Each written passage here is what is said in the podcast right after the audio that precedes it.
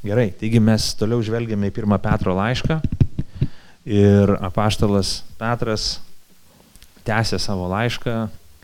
Ir pasižiūrėsime pirmo laiško, trečio skyriaus nuo 8 iki 22 eilutės tokią ištrauką.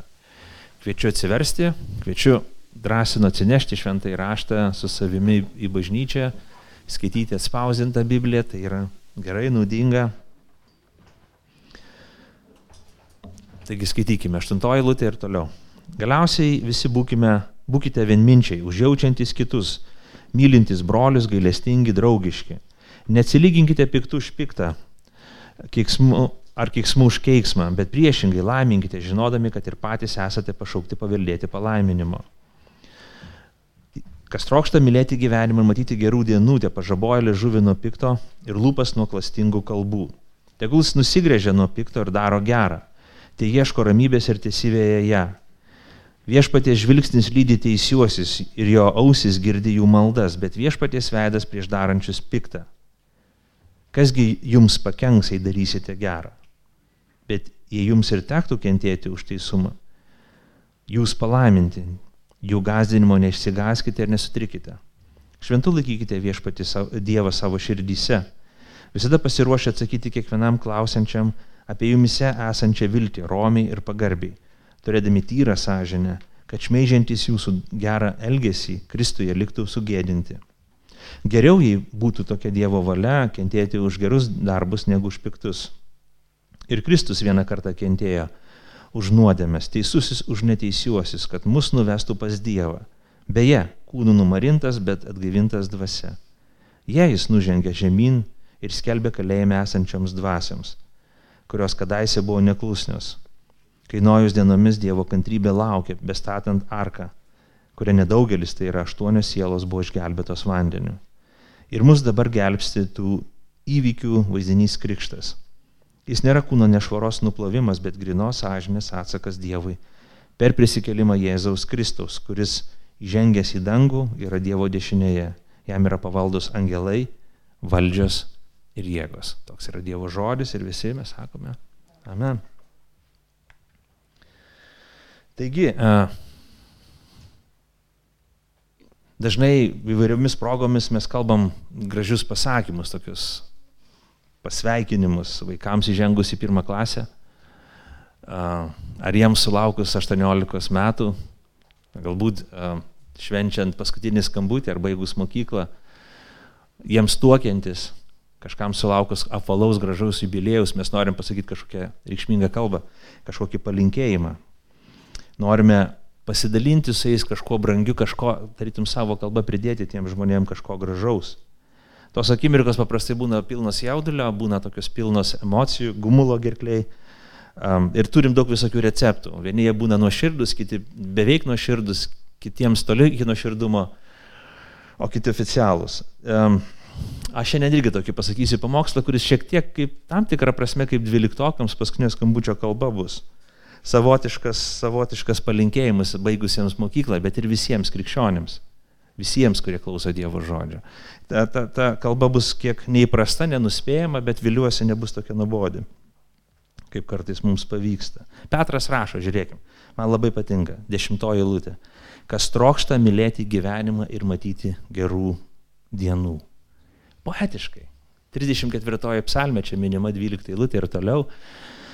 Apaštalas sako, hei, tiems, kas trokštate mylėti gyvenimą, tiems, kas norite žvelgti į gyvenimą, norite iš ties gyventi gyvenimą, norite matyti savo gyvenimą gražų, kas norite būti ir gyventi laimingą gyvenimą, kas norite, kad jūsų dienos būtų geros.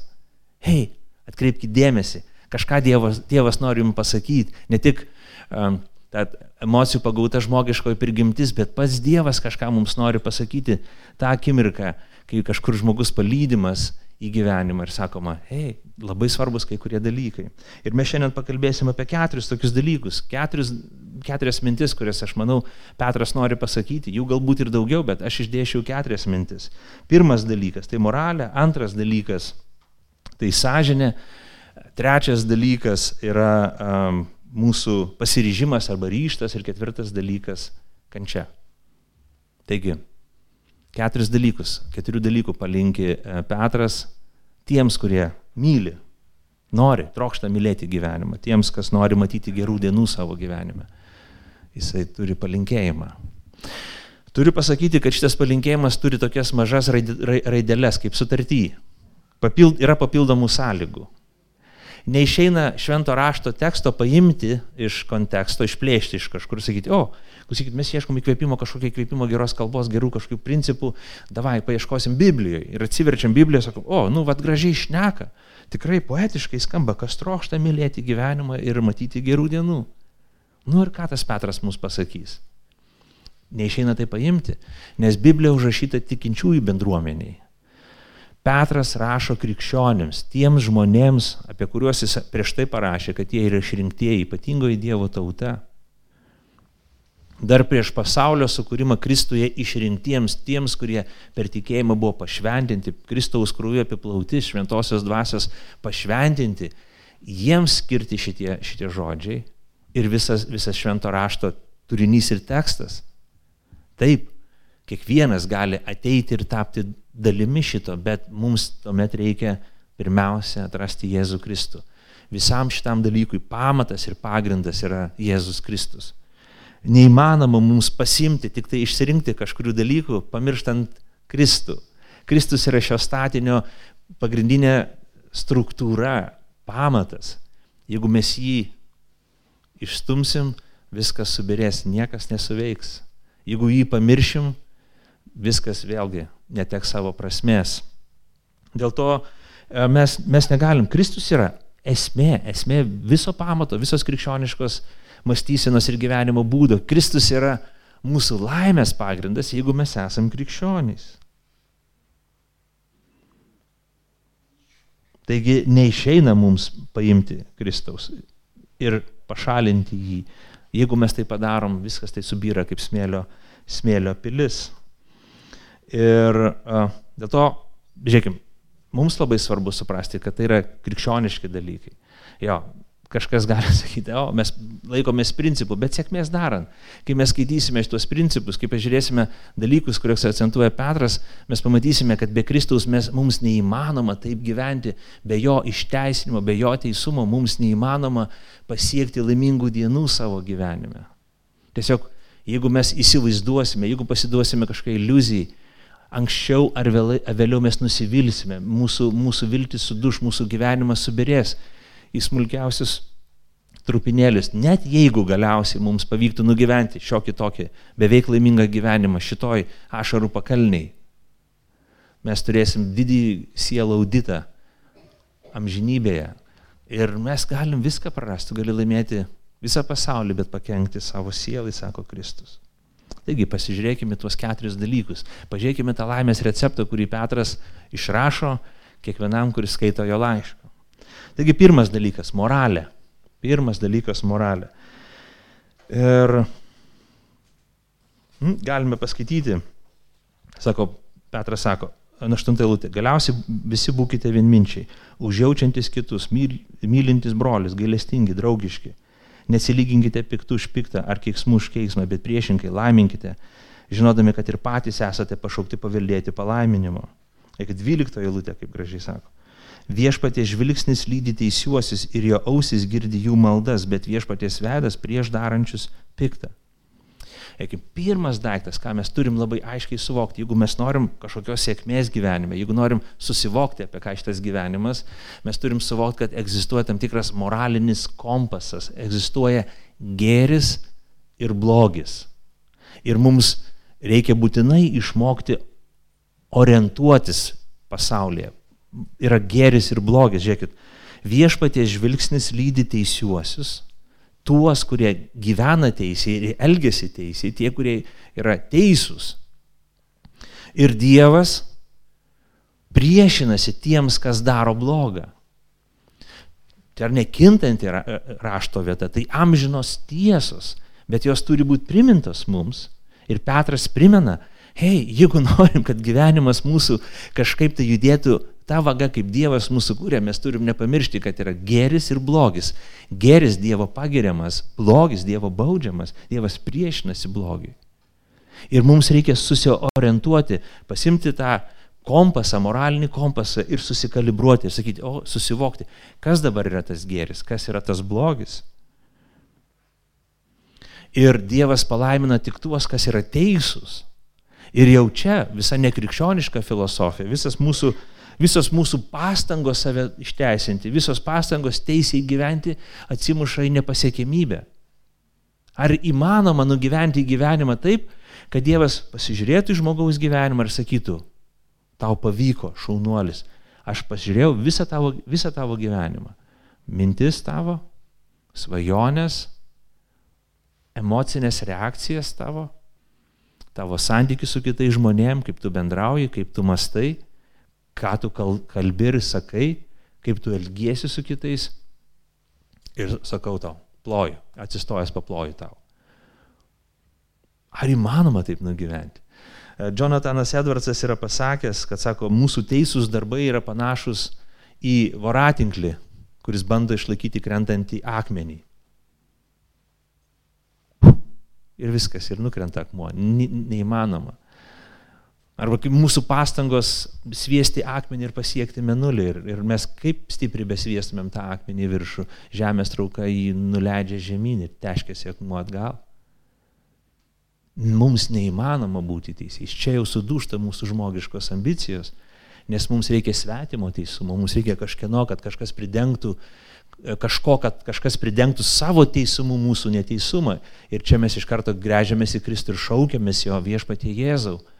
Taip, Dievo, Dievo žvilgsnis yra prieš mane, Dievas priešinasi man dėl mano nuodėmių, dėl to, kaip aš mastau, kaip aš kalbu ir kaip elgiuosi.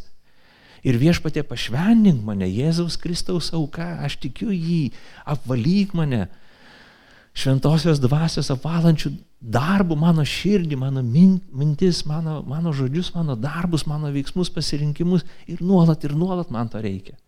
Kristų man reikia ne tik tuomet, kai man baisiai bloga būna, Kristų man reikia ne tik tuomet, kai aš jaučiuosi pražuvęs ir kai žengiu krikšto vandenis, Kristų man reikia tavęs kiekvieną dieną. Man reikia, kad tu būtų mano teisumas, kad tu pasiliktum būti mano teisumu.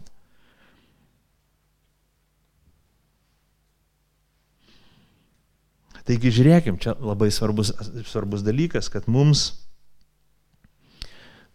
reikia susivokti, kas yra teisinga, kas neteisinga. Kažkam savo gyvenime mes turim sakyti ne, jei norime patikti Dievui, jei norime turėti ramybę iš Dievo, jei norime gyventi ramybę ir savo, savo sąžinę. Kažką mes turime sakyti taip tam tikriems įpročiams, kurie galbūt nėra mums būdingi.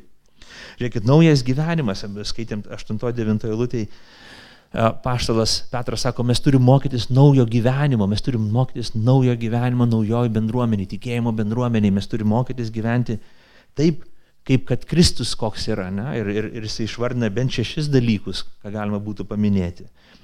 Pirmas iš jų yra vienminčiai, paskui žiaučiantis kitus, mylintis brolis, gailestingi, draugiški ir neatsilyginantis piktų už piktą. Keiksmų už keiksmą. Tie, kurie pažaboja savo liežuvį. Aš gal kiek pakomentuosiu e, vienminčius. Viešpats sako, tikinčiųjų bendruomenė turi būti vieninga, jūs turite siekti vienybės. Ne vienodumo, bet vienybės. Uh, tikėjimo bendruomenė, jeigu aš tapau krikščionimi, jeigu aš patikėjau Jėzumi Kristumi, Petras moko e, savo, savo brolius ir seseris, kad jeigu tu patikėjai Kristumi, tu turi siekti vienybės tikinčiųjų bendruomeniai. Ten susirenka labai skirtingi žmonės ir ačiū Dievui už skirtingumą.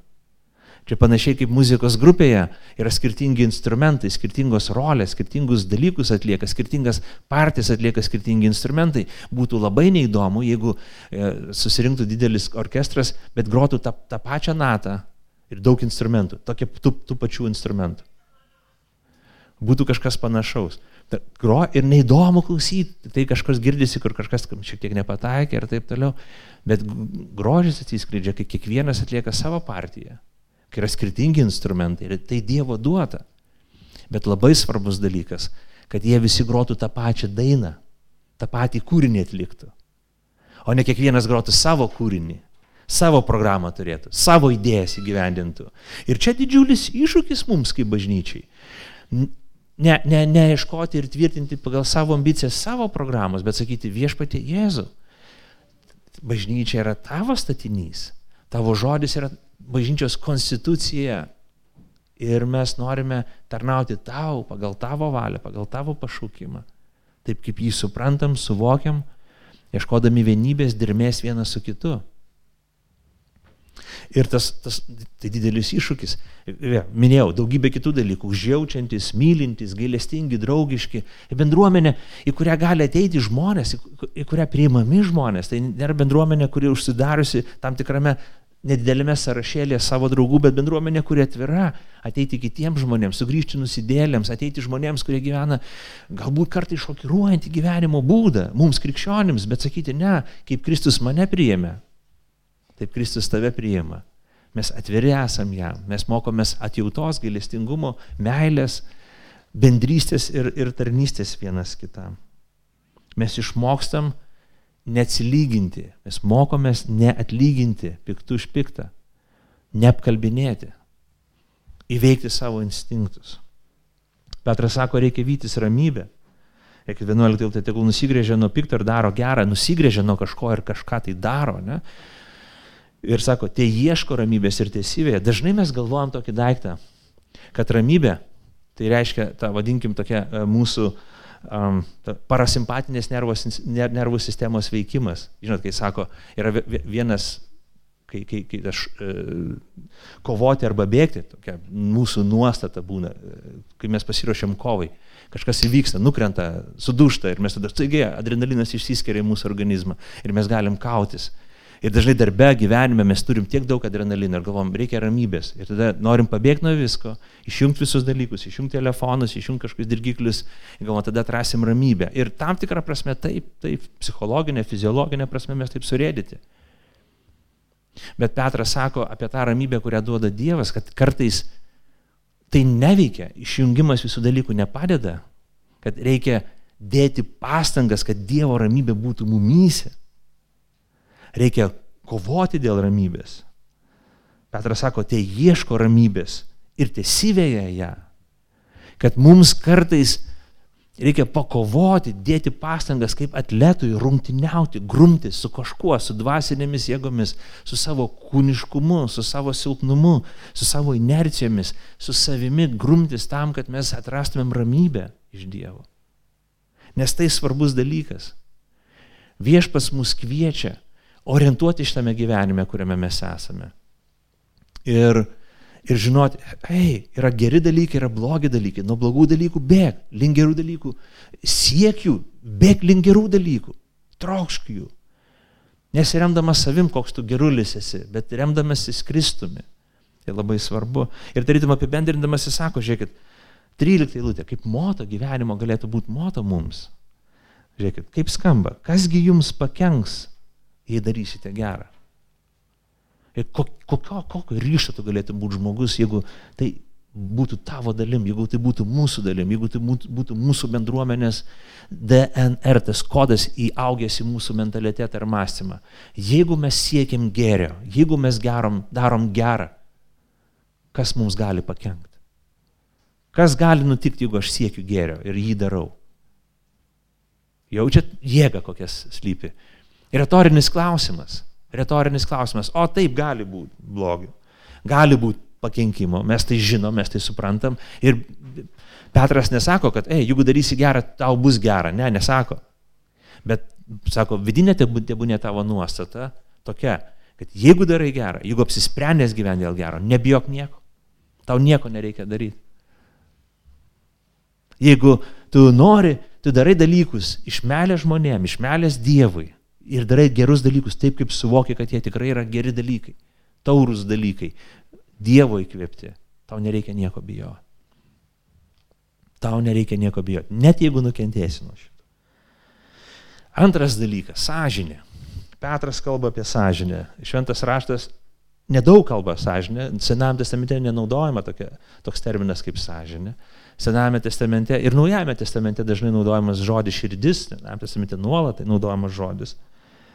Ir, ir Petras sako, turim siekti gyventi tyrą sąžinę. Antras, antras receptas, antras dalykas, ko mums reikia gyvenime. Jis labai susijęs su, su to moraliniu kompasu. Bet sako, saugok tyrą sąžinę. Čia turėtų būti tavo dėmesys, tu turi galvoti apie tai krikščionį.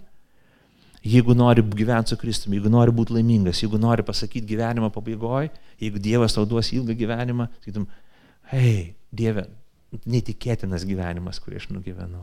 Ačiū tau už malonę, ačiū už nuotikius, ačiū už sunkumus ir ačiū už atradimus. Bet tik tuo atveju, jeigu tu gyvenai sažiningą gyvenimą, jeigu tu laikėsi sąžinės, jeigu ne, taip linksma nebus. 16 lūtai sako, turėdami tyrą sąžinę, kai sako, atsakykite tiems, kurie klausia apie tikėjimą, apie viltį esantį tavį, oriai, romiai ir pagarbiai, turėdami tyrą sąžinę. 16 lūtė, ne? 21 jisai rašo apie Nojaus pražūtį, kai Nojaus laikų pražūtį, kai, kai pasaulis pražuvo. Ir, ir tada buvo jie, jie, jie, jie, jie pražuvo ir, ir tada paima, tik tai Nojus buvo išgelbėtas, paima tada kaip iliustracija to, kas yra krikštas, o krikštas ir yra išsigelbimas iš pražūties, kaip per vandenį, tarytum kaip nojus, kad išsigelbėjo. Ir kas tai sako, yra tai grinos sąžinės atsakas Dievui. Pats, pats krikštas, evangelikų supratimo pagal švento rašto mokymą, ne, nepadaro mums kažko ypatingo, tai mūsų sąžinės atsakas Dievui. Mes ateiname pas Dievą su visokiomis sąžinėmis. Ir raštas mums kalba, kad mūsų sąžinė gali būti nešvari sąžinė. Aš hebrajams laiškė rašoma 10.22, kad mūsų sąžinėse falomos, ne? kad mūsų sąžinė gali būti sutiršta, sugedusi, sudegusi sąžinė gali būti. Mes negalim iki galo kliauti savo sąžinę, kaip kai kurie, tarkim, sekuliarūs psicholo, filosofai aiškina, ne, ne krikščionis aiškina, kad sąžinė tai Dievo balsas mumyse. Ne, aš dvėjoju jis labai dėl nuopolio, jis yra labai išsimušęs, jis sudarkytas. Ir dažna kartą mūsų sąžinė, jeigu mes ne, neklausom Dievo žodžio, jin leidžia daug dalykų. Jin nesignalizuoja daugybės dalykų. Jin kalba, bet būna kaip sugedęs radijas. Ne viskas girdisi, ne viskas suprantama, ne viskas aišku, dažnai persimuša, žinia neiški žmogui. Ir klausydamas vien tik sąžinė, žmogus gali pražūti visiškai.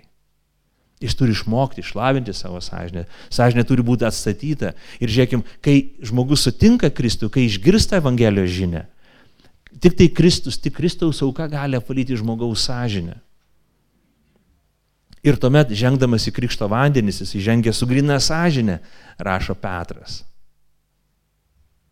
Taigi, visiškai pasikliauti sąžinę mes negalim. Mes negalim, nes ją veikia daugybė veiksnių, nuodėmė lygiai taip pat, didesniu ar mažesniu saiku. Ir mums kaip krikščionims mes turim suvokti, kad mūsų širdis labai klastinga ir labai daug dalykų. Sakom, o paliekam žmogus, aš pasitikiu to žmogaus sąžinę. O, fainai, gerai, darkoji, daug pinigų jam, grinais geriau. Jeigu toks labai patiklus esi, bet greičiausiai neduosi. Nes mes žinom, kad ne, ne, mes esam labai sudėtingi, labai komplikuoti, labai, labai prieštaraujantis patys savo. Ir vėlgi, tik Evangelija, tik Kristus gali mūsų sąžinę apvalyti. Kristus gali mūsų sąžinę ugdyti, tikėjimas, Dievo žodžio klausimas, Dievo žodžio supratimas. Labai svarbus ne tik tai intelektualinis veiksmas, bet ir mūsų valia, kaip mes gyvenam. Nes jeigu mes tik girdim apie Dievą. Tik girdim gražių idėjų, išmokstam gražių idėjų, bet negyvenam, ne, ne, ne, nesistengiam tai įgyvendinti savo kasdieniam gyvenime, mūsų sąžinė vėlgi krypsta į tam tikrą pusę. Mes tampam vietmainiškais fariziejais, mes vieną kalbam, bet kitaip gyvenam. Dėl to sąžinė reikia žodžio klausimo, Kristaus žodžio klausimo, supratimo ir įkūnymo pastangų gyventi tinkamą gyvenimą, gerų darbų, tikėjimo bendruomenės, kurioje, kurioje, kurioje sąžinė jinai yra ugdoma. Ir tokiu būdu mes, mes mūsų sąžinė tam pati yra, mūsų sąžinė tyrėja. Mes galim labiau ją kliautis, pasitikėti. Mes galim apčiuopę savo klaidas, apčiuopę, kur, kur mes padarėm nuodėmę, kurios nesuvokiam, Suvokti, kad čia aš neteisingai visiškai maščiau, aš net neteisingai jaučiau tam tikrą situaciją. Ir taip mūsų sąžinės jautrėja, kai mes klausom Dievo žodžio, kai mes vykdom Dievo žodį, kai gyvenam su Kristumi. Dėl to čia svarbus dalykas, ne tik abiturientams, bet visai bažnyčiai, visiems tikintiesiems, nežai žaidimų su sąžinė. Nežai žaidimą su sąžinė. Nežais. Žaisi žaidimą, pralaimėsi, tu pralaimėsi. Taip, galbūt tau trumpalaikiai perspektyvai bus fainai, galbūt trumpalaikiai perspektyvai tu susikrausi kažkokį tai kapitalą, užlipsi kažkam ant galvos, bet ilgalaikiai perspektyvai tu pralaimėsi ir prakyši. Netoleruok melą savo gyvenime, net mažo melo, balto melo.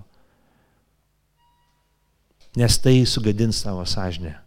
Tu galbūt šitoje situacijoje išeisi oresnis, nebus gėdingos situacijos, tau nereikės prisipažinti, kad tu neteisingai atlikai kažkokį darbą, gal tau nereikės patirti gėdos, pažeminimo, bet ilgainiui tu sugadinsi savo sąžinę.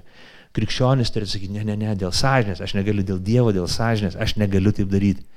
Gal geriau tik to pasakysiu, aš padariau nesąmonę, aš susimoviau, tegul mane, biški, patarkuos ant manęs kažkokį sūrį, galbūt atleis net iš darbo už tai, kad aš taip ilgiuosi, galbūt šeimoje aš susilauksiu tam tikrų replikų ir dalykų, bet tebūnie, aš būsiu sąžinės vergas.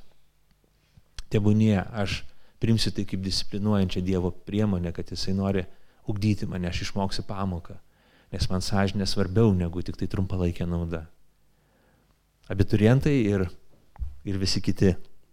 Tai labai svarbu, tai labai svarbu, tai labai svarbu. Ką daryti, jeigu sąžinė per daug jautri? Žinot, būna žmonės, kurie, kurie nu, nepaprastai jautriai reaguoja viską, nepaprastai viską jautriai reaguoja, kurie, kurie negali savo atleisti, padaro klaidą, ėda save. Vadinamas žodis lietuviškas labai geras - savigrauža. Mes nesakom, mes nesakom šiaip su žmonėm, kad ką tu čia grauži. Nu, čia būna toks šiek tiek nu, negražus pasakymas. Nesakom svečiam atėjusiem į namus, yra oboliai pagraužkite obolių. Būtų taip labai negražu, nežinau, tie oboliai sprangus būtų, net jeigu būtų labai geri. Sakom, va, oboliai suvalgykit, jeigu norit. Bet turim tokį žodį, sakom, savigrauža. Ir sakom, o, geras dalykas savigrauža. Kai žmogus vietoj obolio graužia save. Ir sakom, kaip gražu, sėdam prie stalo, pagrauškim patį į save. Ir kartais mes galvojam, kad čia toksai jau tokio moralinio, toks moralinis lygis, toks, va, čia žmogus, kuris padaro kažką ir graužia save, užsiema savygraužą. Ir čia, aš manyčiau, silpnos sąžinės žmogus, neišlavintos sąžinės žmogus. Ir ta, tada tai, tai yra blog, tai nebrandžios asmenybės bruožas. Vėlgi, Evangelija nori gydyti, žiūrėkime, Jėzus sako, ne Jėzus, Jonas rašo apie apie tikėjimą. Pirmas Jono laiško 3, 19, 20. Tuo mes pažįstame, jog esame iš tiesos ir jo akivaizdą nuraminame savo širdį. Kai mes išgyvenam nuodėmę kažkokią, kai padarom kažką blogo ir mūsų širdis pradeda jaudintis dėl to, tai labai teisinga, broliai seserys. Jeigu tau tu padarai kažkokį dalyką, tu pameluoji, tu nusižengi, tu kažkam tai kažką užgauni ir tu pradedi jaustis dėl to blogai, tai teisinga. Nesakyk, o, nereikia taip jaustis. Mm -mm. Tai teisinga. Bet tada, ką sako Evangelija, jo akivaizdą nuraminame savo širdis. Ką mums reikia daryti tuomet, kai mes tai padarom? Sakyti, viešpatie Jėzus, štai atėjau pas tave, ateinu pas tave, va, va, tavo velė, va, tavo sunus, tavo dukra, aš toks esu, atleisk mane, valyk mane, atleisk už tai, kad aš va toks. Ir nepasikeičiau. Nesugebėjau, taip atrėžiau, taip pakalbėjau. Pamelavau, grįžau prie savo įpročio. Apvalyk, pakeisk mane, Dieve, aš ne. Ir jisai nuramina mūsų širdis. Tada pažadina mūsų sąžinę, galbūt mes prisipažįstam, atsiprašom kažko, ne, savo artimų, jeigu juos užgavom. Ir mes tada augam ir tvirtėjam. Sako, jei mūsų širdis mus smerkia, Dievas didesnis už mūsų širdį ir žino viską.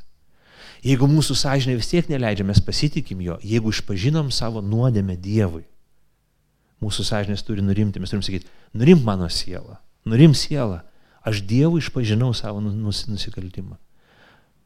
Tas, kuris nori toliau save greušti, jisai sako, oi, Kristus padarė ant kryžiaus darbą, bet nepakankamai.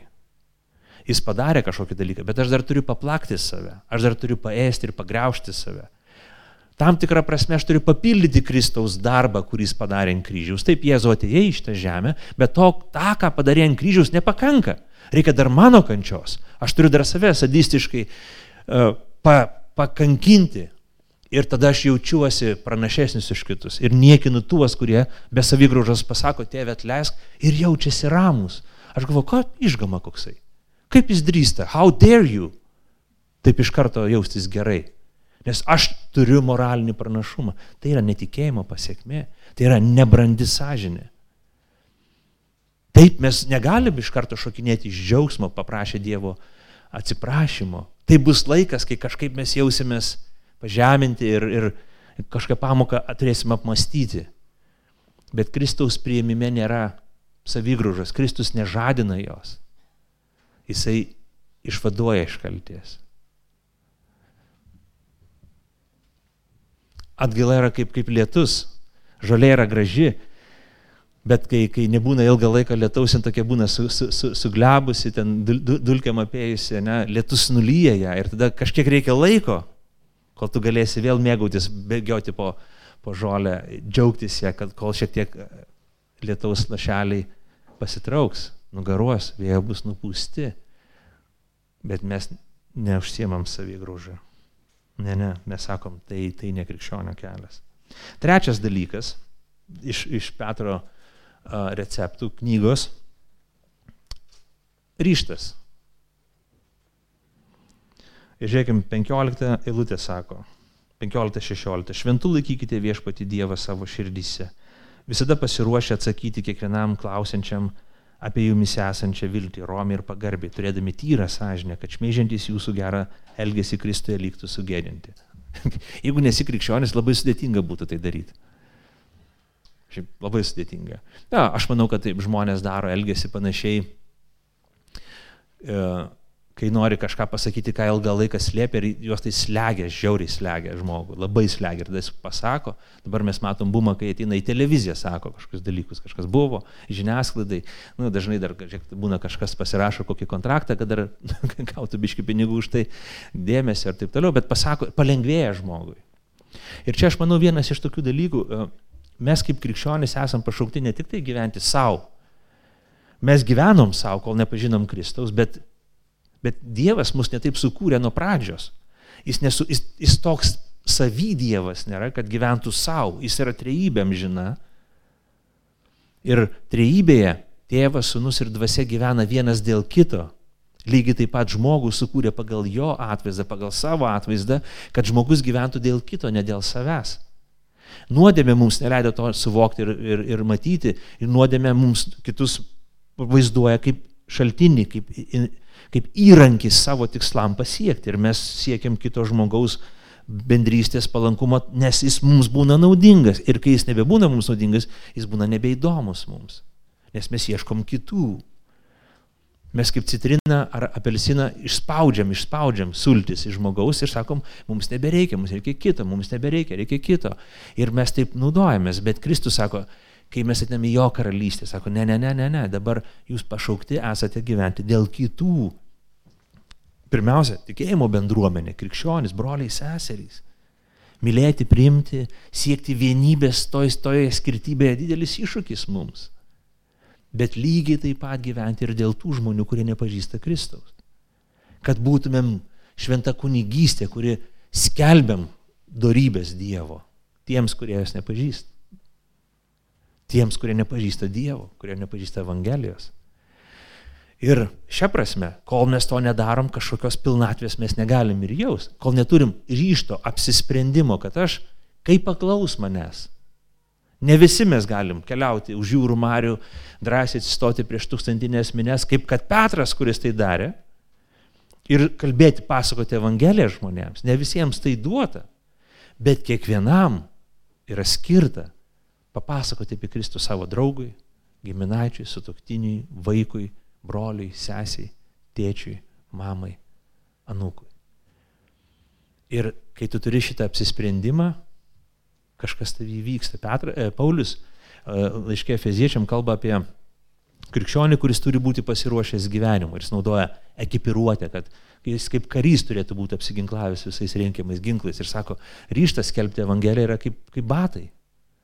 Įsivaizduokim kareivį, kuris ateina, ateina uh, į karą, ruošiasi ginti vinę su šlepetėm, tos flip-flopsais tokiais, kur per pirštą vieną. Viskas tvarko, turi šalmą, ten naktinio stebėjimo žiūronai, ginklai, visokie granatos, šitie neperšaunamas lemenės, durklai visokie taip toliau, automatinis ginklas su, su, su priartintuvu, bet su šlepetėm atėjo. Šilta labai, bet su šlepetėm. Ar tai jau ką nusimesiu batus ir basas, nu, tas šlepetės nus... Juokinga atrodytų, kaip komedija, kaip pasityčiamas kažkoks. Čia galima būtų kažkokią tai parodiją padaryti iš to dalyko. Taip ir mes gyvenime, kol mes neturim to apsisprendimo, savo nepasakom, okei, okay, aš esu tas pats žmogus čia va, sekmadienį ir rytoj pirmadienį. Aš tas pats žmogus noriu būti, žmogus noriu būti bažnyčiai, kai būnu. Ir tas pats noriu būti namuose. Tas pats darbe. Koks aš būnu namuose, aš noriu būti toks pat futbolo laukia, kur aš žaidžiu su draugais futbolu.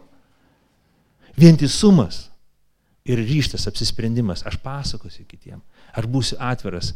Net jeigu man teks kentėti. Žiūrėkit, čia antra eilutė 16 sako, tardami tyrą sąžinę, kad šmeižiantys jūsų gerą elgesį Kristuje liktų sugeninti. Gali būti taip, kad kažkas klausia apie Kristų, kaip tam tikra provokacija būna, kaip tam tikras toks, kaip sakyti, o gal tai nuoširdus, mes dažnaigi nežinom. Dažnai nuoširdumas atrodo kaip provokacija, o provokacija atrodo kaip nuoširdumas. Aš kai buvau jaunuolis ir buvau jau patikėjęs Kristumi ir kai jau patikėjau juo, bet jo nepažinau visiškai. Ir mano draugai, kaip pasakoja kažką apie, apie tikėjimą, Evangeliją, aš supratau, kad jie kažką skaitė, tai ko aš neskaičiau, kažką girdėjo, ko aš negirdėjau. Ir man tai buvo gera jų klausyti, bet aš negalėjau to išsiduoti. Ne, negalėjau. Aš turėjau sakyti, nu, ką čia, nu, ir ginčytis. Na, tikrai sudarinėjau tą įvaizdį, kad aš ginčiuosi, kad netikiu ir man čia neįdomu ir kad tu geriau nekalbėk, nors viduje galvojau kalbėk. Nes žinai, mes nežinom, kokie yra tie žmonės. Bet Petras sako, būk nusiteikęs jiem papasakoti apie Kristų. Elkis oriai, būk romus, susivaldyk. Laikykis tyros sąžinės. Ir būk pasiruošęs atsakyti. Dėl to aš, aš kviečiu broliai seserys turėti šitą ryštą. Turėti šitą ryštą. Ne, nesigėdyti tikėjimo. Aš galvoju labai svarbu porą dalykų. Ramę akimirką, vat kaip šiandien, grįždamas namo, pagalvok, jeigu manęs kažkas paklaustų apie tikėjimą, kaip aš galėčiau atsakyti? Ir turėk savo kažkur minčių gertelėse keletą minčių, atsakymų, kaip tu galėtum papasakoti apie Kristų. Nesmerkiančiai, nežeminančiai, ne besipuikuojančiai savimi, bet romiai, pagarbiai, atidedant emocijas, kitus dalykus, kaip tu galėtum aiškiai papasakoti apie Kristų ir turėk tokių keletą minčių savo galvoj. Antras dalykas, nepamiršk, kad Evangelija niekada nėra žinia apie tave. Taip labai svarbu, kad mūsų elgesys neprieštarautų Evangelijos žiniai. Taip, jeigu tave paklaus apie Evangeliją, kai tu voksi kažką, ar apkalbinėsi kažką, mm, gali būti nedaug Dievo išlovės Ane, tu pasakoji apie didingus Dievo darbus, bet pats elgiesi kaip bedievis. Tai labai svarbu, kad mūsų, mūsų Evangelijos žinia dėrėtų. Bet net jeigu mes nusižengėme kažkurioje vietoje ir kažkoks mūsų gyvenimo periodas yra liūdnas ir, ir kažkoks, atrodo, nesėkmių ruožas, mes turime užtikrintumą, kad Evangelijos žinia apie jį, apie tai, ką Kristus padarė ant kryžiaus, ne apie mus. Nu ir paskutinė dalis kančia. Drasa kentėti. Petras rašo kenčiančiai bažnyčiai. Petras rašo žmonėms, kurie kentėjo. Šito vietoj vėl svarbu pastebėti, kad visi mes kenčiam, visi žmonės kenčia, visi žmonės kenčia. Gyvenimas, galėtume pasakyti, yra kančia. Gyvenime yra labai daug kančios. Bet Petras nerašo apie bendražmogišką kančią. Nerašo tiems, kurie kenčia bendražmogišką kančią tarkim, dėl, dėl lygų, nelaimių, negalio, senatvės, vienišumo ir kitų problemų, kurios kyla mūsų gyvenime. bedarbyšių ir kitų dalykų, konfliktų, kurie kyla dėl kažkokių tai kultūrinių dalykų, nežinau, pozicijų ir panašiai. Jis nekalba apie tai, jis kalba apie uh, žmonės arba rašo žmonėms, kurie yra krikščionys ir kurie kenčia dėl to, kad jie yra krikščionys. Pats Petras tai patyrė, visi apaštalai tai patyrė, visa pirmoji bažnyčia tai išgyveno ir tai buvo jų kasdienybė. Jie kentėjo. Jeigu vieną dalyką jie būtų paėmę, patraukę iš savo gyvenimo, kančia būtų pasitraukusi tą pačią dieną, tą pačią akimirką. Bent jau toji kančia, apie kurią rašo Petras, tai tikėjimas į Kristų. Jeigu jie būtų pasakę, ne, aš nebetikiu Jėzų Kristų, viskas būtų atslūgę. Tas, to, tos kančios m, priežastys būtų pasitraukę ir jie nebebūtų kentėję nebebūtų kentėję kažkokios socialinės atstumties, apkalbų, atmetimo, ignoravimo. Na, žinot, kaip pakinta, pasikeičia, subliūkšta socialinis statusas, kai žmonės pradeda žiūrėti tave tokį kaip į keistuolį, kaip į UFO ir tyrinėja tave. Kartais netgi fiz, fizinį persimą. Ką patyrė pirmoji bažnyčia? Kartais jie prarasdavo gyvybę. Tas, kuris rašė šitas eilutes, jisai tai patyrė. Tai patyrė tai patyrė. Ir Petras sako, žiūrėkit, 17 eilutė, sako, jeigu jau reikia kentėti, tai tebūnie už gerus darbus, negu už nusikaltimus ir nusižengimus. Geriau, jei tokia būtų Dievo valia, kentėti už gerus darbus, negu už piktus. Petras sako, žiūrėkim, jeigu taip jau nutinka, kad Dievo valia tau reikia kentėti, tai tu stenkis broli, stenkis sesė, kad tai nebūtų už tavo blogą elgesį, netinkamą darbą, tavo amoralų kažkokį tai nu, poelgį, bet jie būnė, tai būna už gerus tavo darbus. Čia žiūrėkim, kalbam apie tokį dalyką, kad tą mintį, kurią buvau užsiminęs, kad mes galvojam, kad jeigu darysim gerą, būtinai mūsų gyvenime visi plos mums ir visi mumis džiaugsis. Atvirkščiai gali būti taip, kad mes darom gerą ir susilaukiam persikėjimo, susilaukiam kančios. Vien dėl to, kad darom gerą. Vien dėl to, kad tai darom krikščioniškų tikslų ir krikščioniškų įkvėpimų. Ir Petras sako, nebūkit naivus, tai būna. Sako, neišsigaskit jų gazdinimo. Nesutrikite 14 eilutę. Kokia stipri mintis. Paprastai žiūrėkit, kažkoks tai pasakymas, kažkokia mintis mus taip sugužė, mus pa... išgazina, mus, mus, mus sukausto. Atrodo kažkoks liūtas suriumuotų ir mums norisi tylėti, susigūšti, saugoti savo instinktyves tas gyvybiškas zonas, kad kažkas mūsų nesunaikintų. Bet Petras sako, nepasiduok šitai baimiai, nepasiduok šitam instinktui, pasilik drasus, stovėk. Tu esi palaimintas, tu esi palaimintas, jeigu tu kenti. Petras sako, tu palaimintas, jeigu tu kenti. Jeigu tu uh, susiduri, jeigu tu kenti už teisumą. 14 eilutė. Tu palaimintas esi. Paulius lygiai taip pat moko, sako, kad mes kenčiame dėl Dievo karalystės, nes jums duota ne tik dėl Jėzus, e, duota dėl, ne tik jį tikėti, bet ir dėl jo kentėti. Apaštalai vadovavosi tokiu aiškiu supratimu, žiūrėkime, jeigu mes turim kažką savo gyvenime labai svarbaus, labai reikšmingas, sakom, čia mūsų gyvenimo svarbiausias dalykas, svarbiausias siekis. Ir taip jau yra gyvenime, kad jeigu tai iš tikrųjų svarbiausias dalykas, ateis išmėginimai. Ir gyvenimas iš ties paklaus, tikrai tai svarbiausia. Tikrai tu to nori, tikrai tu to sieki. Ir paklaus tavęs. Pavyzdžiui, sakai, aš noriu apsikinti magistrinį darbą arba baigti aukštąją aukštą mokyklą. Aš noriu gerai išlaikyti egzaminus. Tu tikrai nori tai padaryti. Ir ateis vis įvairiausi sunkumai. Pagundimai būti su draugais, tušiai leisti laiką, sunkumas ir negebėjimas susikaupti, klaidos, bloga, bloga savijūta, nenoras sėsti kažką rašyti visą laiką ateis ir tau, tavo troškimas bus išmėgintas. Bet koks, ką mes bedarytume, apie ką bekalbėtume. Jeigu kalbam apie darbus, lygiai taip pat užsibrėži kažką padaryti ir žiūrėk, bus išmėgintas, ar padarysi tai iki galo. Tu nusprendi, kad turėsi gerą šeimą ir gerus santykius. Tik pasakyk tai garsiai. Ir tai bus išmėginta. Ir privalomai bus išmėginta. Ir tai, kas netikra, bus nugriauta. Absoliučiai taip. Tai, kas netikra, už tai, ką tu nemokėsi, ką tu neturėsi, tu to nepasieksi. Nes vis, už viską reikia sumokėti kainą. turi, tu turi atkakliai darbuotis, tu turi atkakliai kurti ryšius, tu turi atkakliai siekti dalykų. Lygiai taip pat karalystė, kuri mums dovanota uždyka tikėjimu. Mes turime tapti verti tos karalystės. Ir Dievas mums duoda testą, sako, tu trokšti manęs. Ar myli mane? Tu myli mane? Ok.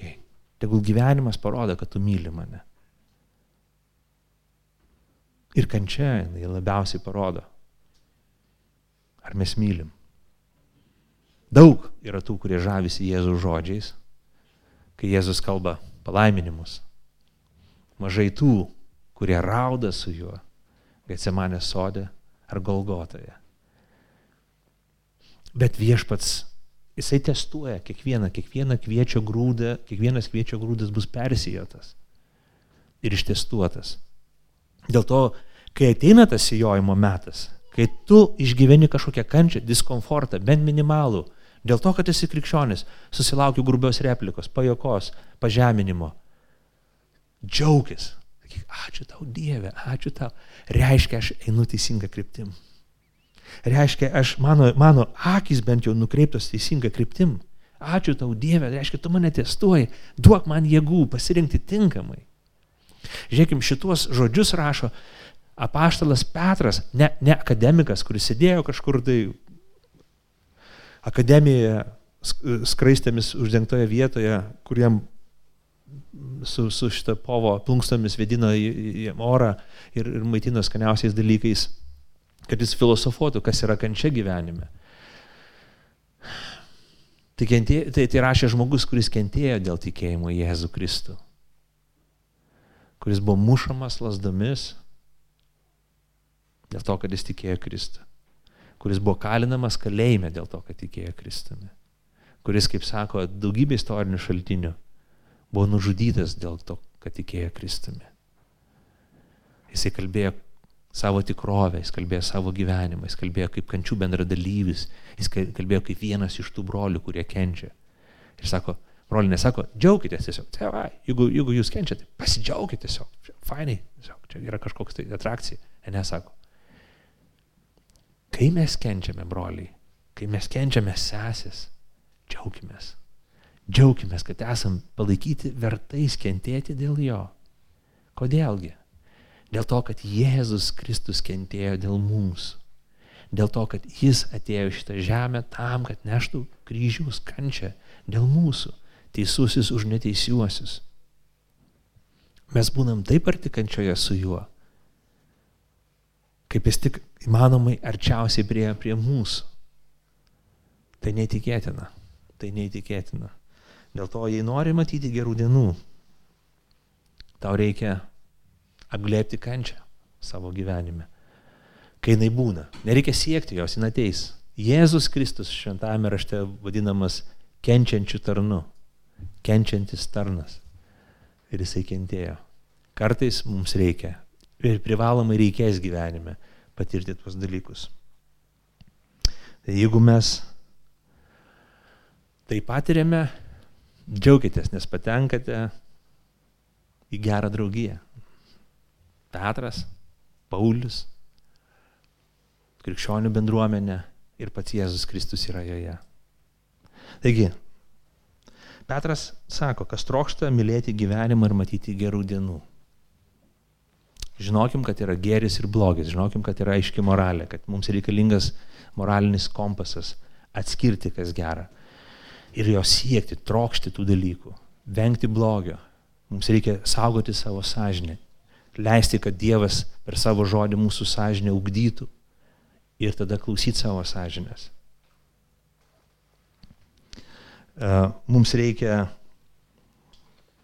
trečią dalyką pamiršau, mums reikia e, būti apsisprendusiems, mums reikia ryšto, liūdyti, apsisprendimo, ryšto ir drąsos liūdyti ir lygiai taip pat to, to paties ryšto ir drąsos, kai susidurėm su, gyvenime, kanč, su kan, kančia gyvenime. Kenčiant dėl tikėjimo ir išgyvenant sunkumą. Puikus padrasinimas visiems, kas baigia mokyklą ir kurie dar lieka visgi Kristaus mokyklai. Pasimelskime. Dangiškasis tėvė, dėkojam už tavo malonę. Ačiū tavo viešpatė už tavo žodį, kuris mus moko, moko visas reikalingas pamokas ugdo mus tikėjime.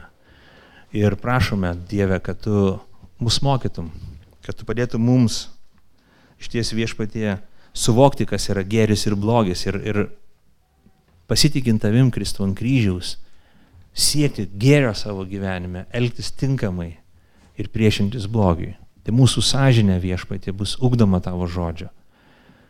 Ten bus jautri tiesai, melui, bet nebus perdėm jautri, įsijaudrinusi.